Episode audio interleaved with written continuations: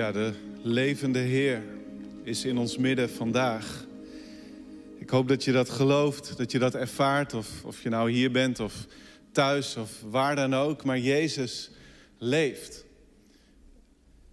Ik las uh, deze week op de site van Open Doors het verhaal over een, uh, voorganger uit Iran, Farin.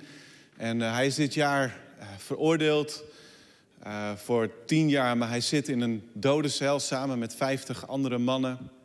En op een morgen werd hij wakker en hij zag een aantal van zijn medegevangenen over hem heen gebogen. En die staarden hem aan, die keken hem aan en die zeiden: Oké, we zullen je met rust laten, maar je moet ons iets vertellen. Wat gebeurt er met jou? Wat is er met jou aan de hand? Wie ben je? Want iedere nacht, als jij op bed ligt, dan schijnt er een licht om jou heen. Het lijkt wel of er een gloeilamp aanstaat. Waar komt dat vandaan? En Farin die vertelt hem, ik ben christen, ik ben gelovig. En um, ik geloof dat dit licht van Jezus is. En dan gaat hij verder vertellen over zijn geloof. En twee van die gevangenen met hem, die komen tot geloof. En dan een, een aantal weken later um, komen de gevangenisbewaarders. Die komen die cel binnen en die kijken een van die uh, gevangenen die tot geloof gekomen is aan en die zeggen: Heb jij drugs genomen? Nee, ik heb geen drugs genomen. Je ziet er anders uit. Je kijkt anders uit je ogen. Minder duisternis in je ogen. Wat heb je genomen? Wat heb je gebruikt? En ze snijden zijn matras open. Ze doorzoeken. Nou, hij heeft eigenlijk niks, maar dat doorzoeken ze. En hij zegt: Nee, ik heb geen drugs genomen, maar ik heb Jezus leren kennen. Ik ben tot geloof gekomen. En Farin, die voelt de bui al hangen, die denkt, nu zullen ze mij daarvoor straffen. En de bewaarders die kijken hem inderdaad aan en die zeggen, heb jij hem over Jezus verteld? Ja, dat heb ik gedaan. En de bewaarders die zeggen vervolgens, doe dat vooral onder alle gevangenen. Want deze gevangenen die gedraagt zich op zo'n manier. We wilden wel dat alle gevangenen zich zo zouden gedragen. Je mag helemaal vertellen over God, zolang je maar niet de naam van Jezus noemt. En Farin die, die begint te vertellen aan de bewaarders en ook in de tijd die komt over, aan de gevangenen over God, over vergeving, over liefde. En de familie van hem die, die schrijft aan God werkt ook vandaag in de gevangenis. En ik vond het zo'n bijzonder verhaal, omdat het, omdat het eigenlijk een verhaal is wat zo in handelingen had kunnen staan.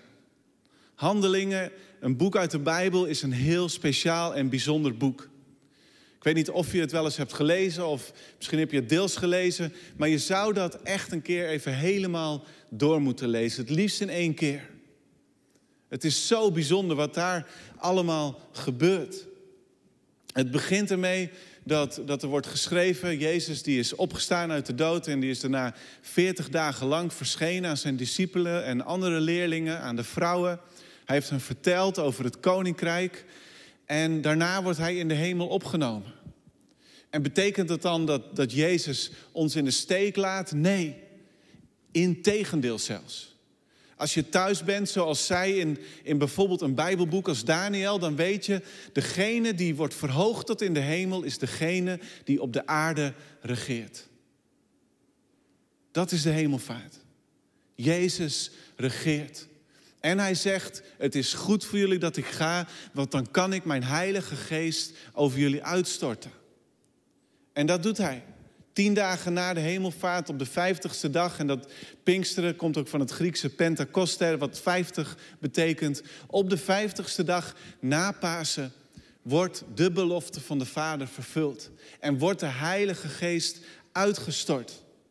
Tijdens Shavuot, het wekenfeest, het Joodse Pinksterfeest. Een van de drie grote feesten waarvoor alle Joden werden opgeroepen om naar Jeruzalem te komen. Dus het betekent ook dat die dag mensen uit allerlei landen aanwezig zijn. Uit de hele verstrooiing waar de Joden uh, naartoe verbannen waren geweest en zijn blijven wonen voor een deel. En die waren nu allemaal aanwezig in die stad. Het is voor de Joden de afsluiting van Pesach. Het is, de, de, het is eigenlijk de, bekroning van de uittocht uit de slavernij van Egypte. En dat gebeurt in de wetgeving op de Sinaï. Ze krijgen de Torah. Maar van oorsprong, ik zei het net al, is het een oogstfeest. Waarbij de Joden, de eerstelingen, naar God brengen van de nieuwe oogst. Om daarmee te zeggen, alles wat we hebben, komt van u. En daarmee e- willen we u eren en dank zeggen. Lucas die beschrijft die Pinksterdag als volgt in Handelingen 2 vanaf vers 1. Toen de dag van het Pinksterfeest aanbrak, waren ze alle bij elkaar. Plotseling klonk er uit de hemel een geluid als van een hevige windvlaag, dat het huis waar ze zich bevonden geheel vulde. Er verschenen aan hen een soort vlammen die zich als vuurtongen verspreidden en zich op ieder van hen neerzetten. En alle werden vervuld van de Heilige Geest en begonnen op luide toon te spreken in vreemde talen, zoals hun door de Geest werd ingegeven. Wind en vuur. Het zijn tekenen al in het Oude Testament, het Eerste Testament, van Gods aanwezigheid. We zien hetzelfde als Mozes de Torah ontvangt op de berg. Dan is er wind, dan is er vuur. We zien het als, als Gods heerlijkheid, de tabernakel en later de tempel vervullen. Dan is er sprake van wind en van vuur. En we zien het in, in de vuurkolom die het volk Israël beschermt en leidt op de reis door de woestijn. En dan is er als het ware één vuurtong. En dat is even belangrijk. Want dat is zo, zo indringend en zo mooi om te beseffen dat het hier niet gaat over één vuurtong bij Pinksteren. Maar dat als het ware die ene vuurtong zich splitst in meerdere vuurtongen en op alle gelovigen komt. En dat moeten jullie ook weten. De Heilige Geest, Gods heerlijkheid en aanwezigheid en kracht, die vallen op een ieder van ons. Jong en oud. Of je heel lang gelovig bent of maar net tot geloof komt. Wat voor gave of bediening of taak je ook hebt. De Heilige Geest valt op ons allemaal. Het is daardoor. En het is door, door, door die, die kracht van de Heilige Geest. Dat vanaf die Pinksterdag het evangelie met volle kracht de wereld ingaat. Het is volle kracht vooruit. En dat is ook het thema van vandaag. Het is een uitdrukking uit de scheepvaart en uh, misschien als je, als je de Titanic hebt gezien of ook andere films waar wat oudere schepen in voorkomen, dan zie je dat de stuurman of de kapitein communiceren met de machinekamer middels wat ze noemen een telegraaf. Dat is die ronde schijf met, uh, met verschillende vakken erop. En daar staat onder andere, er staan volgens mij soms wel 11, 12 uitdrukkingen op. Maar er staat onder andere op uh, langzaam, halve kracht, volle kracht vooruit of achteruit. En vandaag mogen we handelingen een klein beetje lezen als onze telegraaf. En het klinkt een beetje raar, maar ik bedoel niet die krant, maar ik bedoel het communicatiemiddel. En dit communicatiemiddel laat aan ons zien, het evangelie gaat met volle kracht vooruit. Het betekent dat het goede nieuws van het koninkrijk de wereld overgaat. En dat is een enorm wonder te noemen. Want als je handelingen leest, dan zie je dat we het ene na het andere obstakel tegenkomen. Het is een boek vol hindernissen. Maar, lees jullie mee, het is een boek vol overwonnen hindernissen.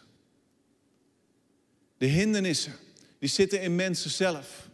Het heeft te maken soms met, met angst, met jaloezie, met vooroordelen, met verkeerde denkbeelden met egoïsme, met bedrog enzovoort. En de hindernissen kunnen ook van buitenaf worden opgeworpen. Verworpen. Vervolging, mishandeling, valse beschuldigingen, ter dood worden gebracht, schipbreuk leiden, enzovoort, enzovoort. Maar het is een boek vol hindernissen. Maar dit mogen we weten. Hoeveel hindernissen jij zelf of je omgeving ook opwerpen, het goede nieuws is niet te stoppen. En ik wil met jullie kijken hoe er een verscheidenheid aan hindernissen wordt doorbroken door de Heilige Geest. En de eerste is deze, de hindernis van taal. De Geest helpt ons vrij uit en in nieuwe talen te spreken. De kerk wordt geboren in Jeruzalem. En zal in eerste instantie daar ook groeien, zonder dat het meteen al naar buiten gaat. Maar vanaf de eerste dag zien we door een wonder van talen dat het de bedoeling is dat het de hele wereld zal bereiken. Handelingen 2, vanaf vers 5. In Jeruzalem woonden destijds vrome Joden die afkomstig waren uit ieder volk op aarde vanwege dat wekenfeest. Toen het geluid weer klonk, dromden ze samen en raakten geheel in verwarring, omdat ieder de apostelen en de andere leerlingen in zijn eigen taal hoorde spreken. Ze waren buiten zichzelf van verbazing en zeiden: Het zijn toch allemaal Galileërs die we daar hoorden spreken? Hoe kan het dan dat we hen allemaal in onze eigen moedertaal horen? Hoe kan dat? Petrus, Johannes, Filippus, Thomas, al die andere leerlingen.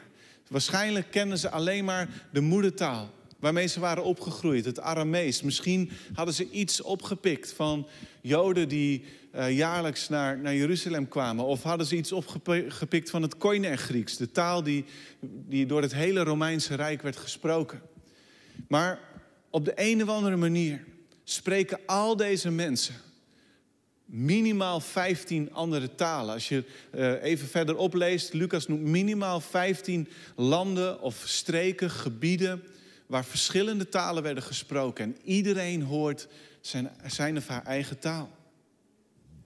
En hoe is dat toch mogelijk? Dat komt door de, de kracht van de Heilige Geest. En dat is niet het enige wonder ten aanzien van ons spreken wat de Heilige Geest kan doen. De geest helpt ons ook om vrijmoedig te spreken. Er staat in Handelingen 4, toen ze hun gebed beëindigd hadden, begon de plaats waar ze bijeen waren te beven. En alle werden vervuld van de Heilige Geest en spraken vrijmoedig over de boodschap van God. De woorden vrijmoedig en vrijmoedigheid die komen een aantal keren voor in het Nieuwe Testament in verschillende situaties. Maar ze verwijzen altijd naar een houding van openheid, van angst die is verdwenen en vrijuit spreken. Denk aan woorden als openheid of ronduit spreken met zelfvertrouwen. Openlijk, zonder schaamte. Dat klinkt allemaal mee in dat woord vrijmoedig. En tot op de dag van vandaag wil en kan de Heilige Geest dit doen. Ik ken meerdere verhalen van mensen die zich gedrongen voelden op een gegeven moment om in een andere taal te spreken. Soms in de bus of midden op straat. En dat er vervolgens mensen op hen afkwamen en zeiden: Waar heb jij zuiver Hindi? Of uh, Ifrit, het moderne Hebreeuws, leren spreken. Want je hebt net mijn levensverhaal. Of je hebt net het evangelie op een, verteld in die taal. Ik heb zelf ervaren hoe, hoe, de, hoe de Heilige Geest ook soms in een hemelse taal door mij spreekt. Of dat ik soms best wel beschaamd ben om vrij uit te spreken in een situatie waarin mensen uh, of weinig van Jezus weten, of soms zelfs al eerder hebben laten weten, we hoeven er niks van te weten. En ze ook naar een preek in de voorbereiding.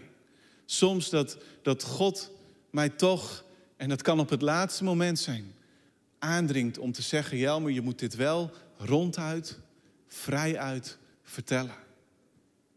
En dat is door de kracht van de Heilige Geest. Dat we vrijmoedig en in nieuwe talen kunnen spreken, omdat de Geest alle taalbarrières doorbreekt. Ten tweede, de hindernis van cultuur en religie.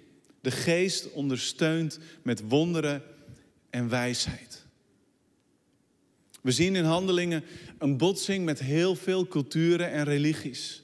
We zien de botsing met de Joodse leiders, maar ook met het volk, die het niet konden geloven dat Jezus de beloofde Messias was. En die de nieuwe weg van Jezus als een bedreiging zagen. En regelmatig vervuld werden, staat er dan met jaloezie over de toenemende, nou ja, noem het maar even populair, populariteit van de kerk. We zien de overwinning van onnoemelijk veel vooroordelen, veroordeling en minachting. Als Joodse christenen het evangelie delen met de Samaritanen, een volk waarmee ze al eeuwenlang in onmin leefden. We zien de aarzeling en terughoudendheid als het evangelie gebracht wordt onder de heidenen. En als de Heilige Geest ook over hen wordt uitgestort. En God die moet daarvoor speciaal tot Petrus spreken en hem uitleggen: joh, wat ik rein verklaar, is rein. Je mag mee met die mannen naar die heidense Romeinse hoofdman Cornelius. Je mag zijn huis binnengaan. En als Petrus daar dan is, dan valt de Heilige Geest op al die heidenen. En dan weten ze, nu gebeurt er wat God altijd voor ogen had. De zegen van Abraham gaat via Israël inderdaad naar de hele wereld. En steeds weer zijn het machtige wonderen en tekenen, genezingen en bevrijdingen, profetieën en het spreken in hemelse of nieuwe talen die ervoor zorgen dat, dat, dat het woord doorgaat. Het, het is de wijsheid van de Heilige Geest die soms echt ingenieuze openingen creëert om Griekse filosofen en heidense volken en heersers te bereiken met het evangelie. En ik, en ik schets dit even vrij snel. Je zou daarvoor het hele boek moeten lezen. Ik wil een aantal Bijbelteksten gewoon maar lezen. En, en dat gebeurt dan dus tegen deze achtergrond. Het evangelie gaat over de grenzen van religie, cultuur, over de grenzen van Jeruzalem naar Judea, naar Samaria, naar de uiteinden van de wereld.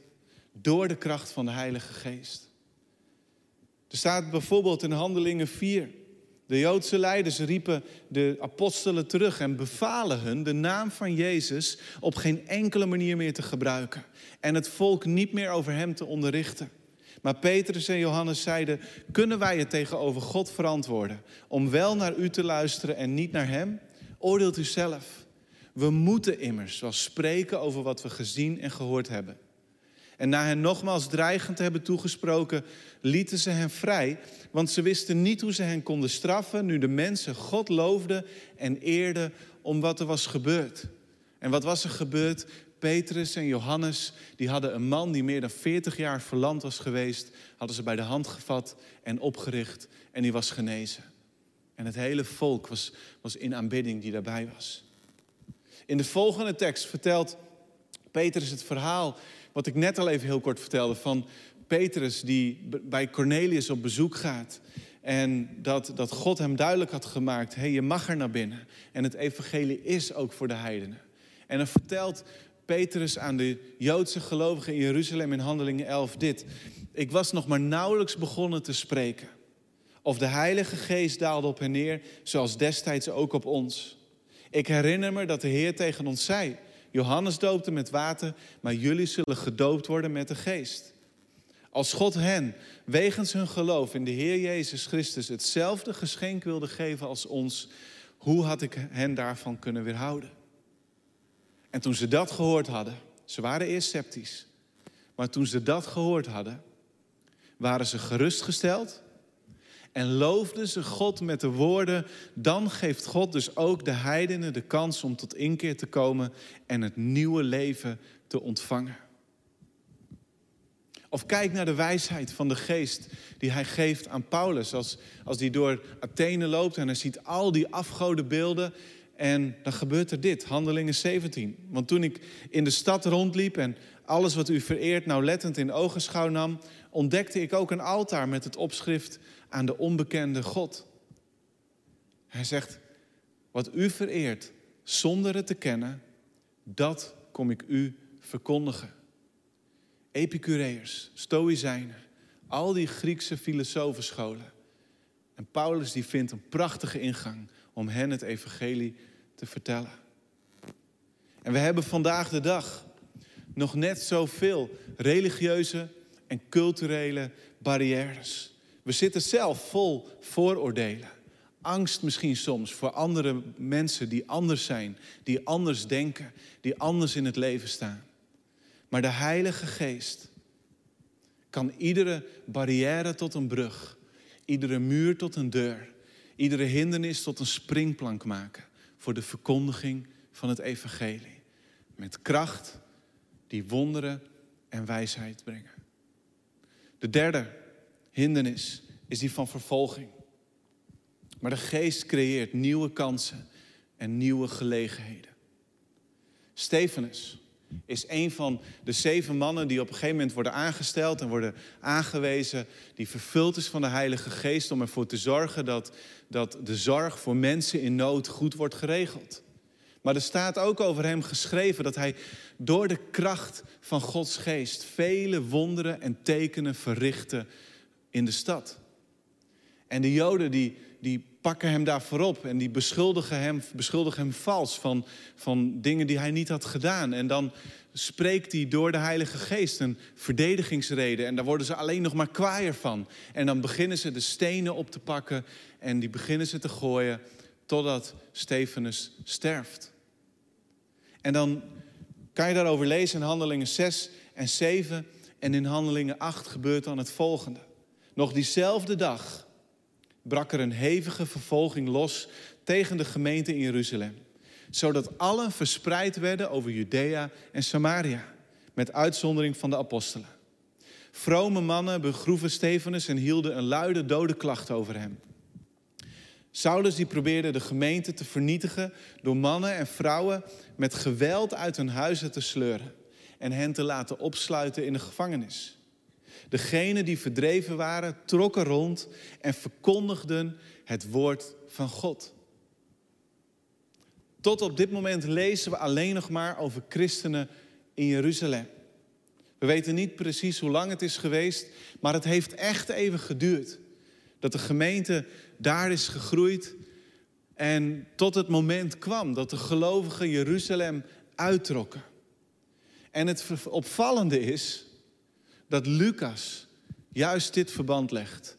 Dat op het moment dat de vervolging echt losbarst, dan worden de gelovigen naar Judea en Samaria gedreven. En ook Paulus, die we in dit verhaal leren kennen als Saulus, die, die de moord op Stefanus nog goedkeurt, die een initiatiefnemer is van een heftige vervolging en dan op een wonderlijke manier tot bekering komt die krijgt direct daarna te maken met vervolging. Hij moet Damascus uitvluchten in een mandje over de muur van de stad. En tot aan zijn dood zal hij daarmee te maken hebben. Het is heel bijzonder om dan ook te zien dat handelingen eindigt in Rome, in het centrum van de toenmalig bekende wereld. En daarmee zien we ook werkelijk gebeuren wat Jezus zei toen hij, toen hij aankondigde: hey, jullie zullen kracht ontvangen om getuige te zijn tot aan de uiteinde van deze wereld. Hoe komt Paulus in Rome? Hoe komt hij in Rome? Het is het directe gevolg van vervolging. Het is het gevolg van valse beschuldigingen, van bijna gelienst worden door het volk, van opgesloten worden van voor het Sanhedrin verschijnen. En daar wordt de discussie zo heftig dat de Romeinse soldaten hem ontzetten en weer wegleiden omdat ze bang zijn dat hij daar wordt, wordt verdrukt of wordt omgebracht. En hij belandt in Caesarea en uiteindelijk beroept hij zich op de keizer. En dan begint zijn reis naar Rome. En het was soms zwaar voor Paulus. Ontzettend zwaar. Maar Jezus die geeft hem moed. In Handelingen 23 zit Paulus nog gevangen in Jeruzalem. En hij is net dus uit dat Sanhedrin geleid. En dan bemoedigt Jezus hem. Er staat, die nacht kwam de Heer bij Paulus en zei, houd moed. Want zoals je in Jeruzalem getuigen van, getuigenis van mij hebt afgelegd, zo moet je ook in Rome van mij getuigen. Dus vervolging is aan de ene kant een zaak wat verdriet teweeg brengt. Absoluut. Maar het is ook steeds weer het moment waarop er nieuwe kansen en gelegenheden worden gecreëerd om de, barrières te doorbreken. Sterker nog, samen met de apostelen, met de kerkvaders en met vele gelovigen tot op de dag van vandaag durf ik te zeggen, de kerk heeft vanaf het allereerste begin tot op de dag van vandaag juist gebloeid onder vervolging en verdrukking. En tot slot, de hindernis van tegenslagen. De geest behoudt de leiding. Paulus die heeft zich beroepen op de keizer. En hij gaat daarom naar Rome. En het verhaal van die reis leert als, of leest als een, als een interessante roman. Ehm, ook, ook daarvan eh, moedig ik je van harte aan om, om dat thuis door te nemen. Ik kan niet het hele verhaal vertellen en uitpluizen, want het is heel bijzonder wat er allemaal gebeurt. Maar na al een lange reis komt Paulus met het schip waarop hij zit. En uit mijn hoofd, ik geloof met 276 andere mensen, komt hij in een vreselijke storm terecht. Het is op een gegeven moment dagenlang donker. De, de touwen zijn om het schip gebonden om het bij elkaar te houden. Alle ankers zijn uitgeworpen om het een klein beetje te vertragen. Zelfs op een gegeven moment is al een deel van het eten, een deel van de lading weggegooid. Zelfs het scheepstuig wordt in de zee geworpen. En Iedereen verkeert in hevige doodsangst. Iedereen is bang voor zijn leven. En als je zo'n verhaal oppervlakkig leest, of als je zelf in de omstandigheden zit die, waarvan je zegt: hé, hey, dat lijkt wel een beetje op deze storm. Het is donker, ik zie geen uitweg, ik ben angstig, ik ben misschien wel angstig tot de dood. Dan, dan denk je misschien: oh, ik zit nu niet op de weg van God. Dit was toch niet um, waar God mij wilde hebben. God heeft mij in de steek gelaten. Al deze tegenslagen die moeten wel een bewijs zijn dat er helemaal geen plan is van God voor mijn leven. Dat is het perspectief soms, als je er middenin zit. En wat het grootste gedeelte van alle mensen op dat schip ook had. Maar op het moment dat de situatie aan boord op zijn dieptepunt is, spreekt de Heilige Geest. Handelingen 27. Daar staat al geruime tijd had niemand aan boord nog iets gegeten. Mensen hadden het opgegeven. Toen sprak Paulus de opvarende als volgt toe. Had maar naar mij geluisterd, dan waren we op Kreta gebleven. Daar waren ons deze moeilijkheden bespaard gebleven en was er niets verloren gegaan. Maar toch roep ik jullie op om moed te houden. Want niemand van jullie zal omkomen, alleen het schip zal verloren gaan. De afgelopen nacht werd ik namelijk bezocht door een engel van de God aan wie ik toebehoor en die ik dien. En hij zei: Wees niet bang, Paulus. Jij moet voor de keizer verschijnen. En daarom heeft God je in zijn goedheid het leven van alle opvarenden geschonken. Houd dus moed, mannen, zegt Paulus. Want ik stel vertrouwen in God en verwacht dat het zal gaan zoals mij gezegd is. En dat zien we zo vaak in handelingen. We zien het in Paulus' reis naar Rome. We zien het in het leven van die Iraanse voorganger waarover ik net vertelde. En ik heb het al verschillende keren in mijn eigen leven ervaren. De geest behoudt de leiding. Hij zendt op ons erop uit. Hij doet ons soms wachten of stoppen. Hij stuurt bij. Hij bemoedigt. Hij bemoedigt ons midden in de storm. Zodat het evangelie kan komen op de plekken waar God het wil hebben. Op de plek waarvoor Hij ons heeft geroepen. Zelfs al is die plek hoogst onwaarschijnlijk. Zelfs een schipbreuk verhindert niet dat het evangelie volle kracht vooruit gaat. Er staat nog steeds volle kracht op die telegraaf. En dan eindigt handelingen op een hele gekke manier. Het is een heel abrupt einde staat in Handelingen 28, vers 30 en 31 dit.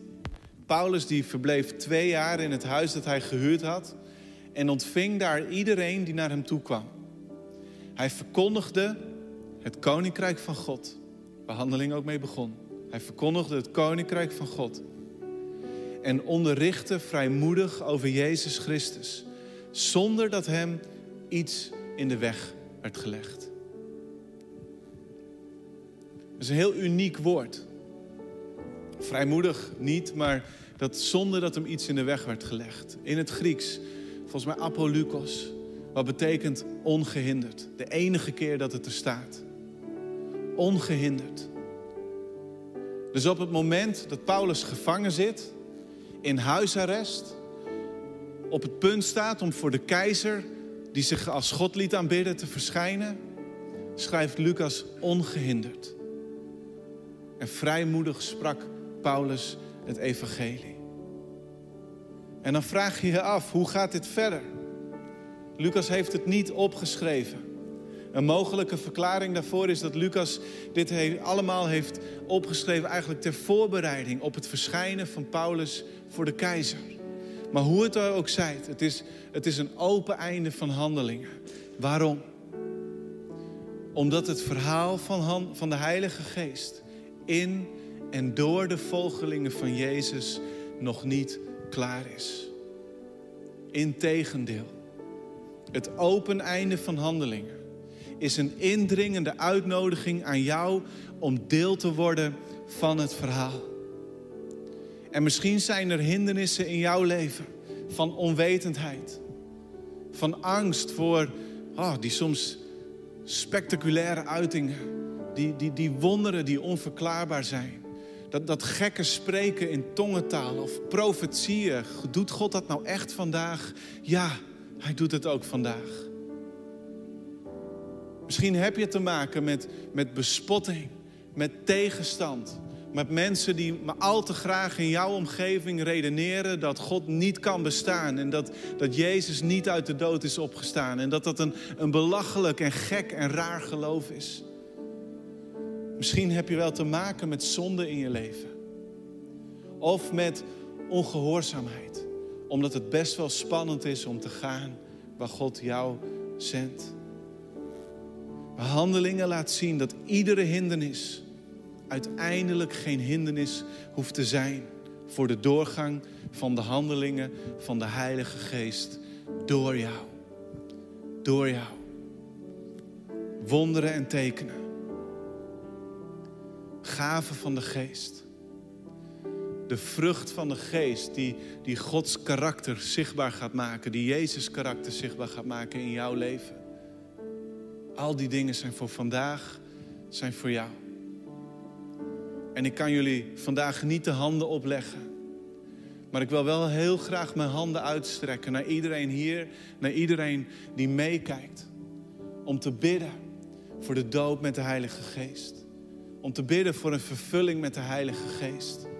Voor het wegnemen van alle angst en het ontvangen van kracht om een getuige te zijn. Van vrijmoedigheid, om vrijuit, zonder schaamte te spreken. Zullen we met elkaar gaan staan hier en thuis? En dan wil ik heel graag bidden. Jezus, ik dank u wel dat u troont in de hemel. U bent niet weggegaan zozeer, maar u regeert. En u heeft gezegd, ik laat jullie niet als wezen achter. Het is goed voor jullie dat ik ga, want ik zal mijn heilige geest uitstorten, Heer. En we zien door hoe dat gebeurt, dat dat betekent dat uw heerlijkheid op ieder van ons neerdaalt. En Heer, ik bid op dit moment, Heer, van afstand wil ik mijn hand op iedereen leggen. Heer, iedereen die hier is. En ik bid dat u ze vol maakt met de Heilige Geest. Ik bid om uw kracht. Heer, ik bid om uw vrijmoedigheid. Ik bid om uw moed. Ik bid om de wonderen en tekenen die we mogen doen in uw naam. Ik bid dat we mensen bij de hand mogen vatten en oprichten. Ik bid dat we mensen mogen bevrijden van boze geesten. Ik bid dat we onze tovenarij weg zullen doen. En alle verkeerde denkbeelden en alle heidense filosofieën. En het mogen verbranden om aan u toegewijd te worden. Ik bid dat u ons woorden geeft om met wijsheid open deuren te herkennen en ingangen te vinden. Ik bid dat we, dat we profetisch zullen spreken. Ik bid dat, dat we onszelf ook, ook, ook mogen bemoedigen door het spreken in tongen in ons eigen gebed. Ik bid dat we nieuwe talen mogen spreken om de barrières van cultuur en religie te doorbreken. Ik bid dat we woorden van kennis en wijsheid zullen ontvangen. Ik bid dat we zullen leiden als nooit tevoren. Dat we zullen dienen als nooit tevoren. Heer, ik bid, wilt u het allemaal geven aan al deze mensen? Wilt u hen toerusten? Wilt u hen troosten? Wilt u alle hindernissen doorbreken? Vandaag, morgen, in de weken die komen. Heer, mogen we een leger van u zijn. En mogen we een feest van genade vieren. Omdat waar uw geest werkt en waar het, het evangelie van het koninkrijk doorbreekt, daar leren mensen u kennen. We willen u eren ook met het volgende lied, Heer, een feest van genade. Heer, dat we willen uitzingen over ons eigen leven, over deze stad, over ons land, over deze wereld. Heer, door het hart van het huisoffer, Heer, door ons werk op onze scholen, Heer, waar we ook zijn. Heer, mogen we een feest van genade vieren door de kracht van uw Heilige Geest. In Jezus' naam. Amen.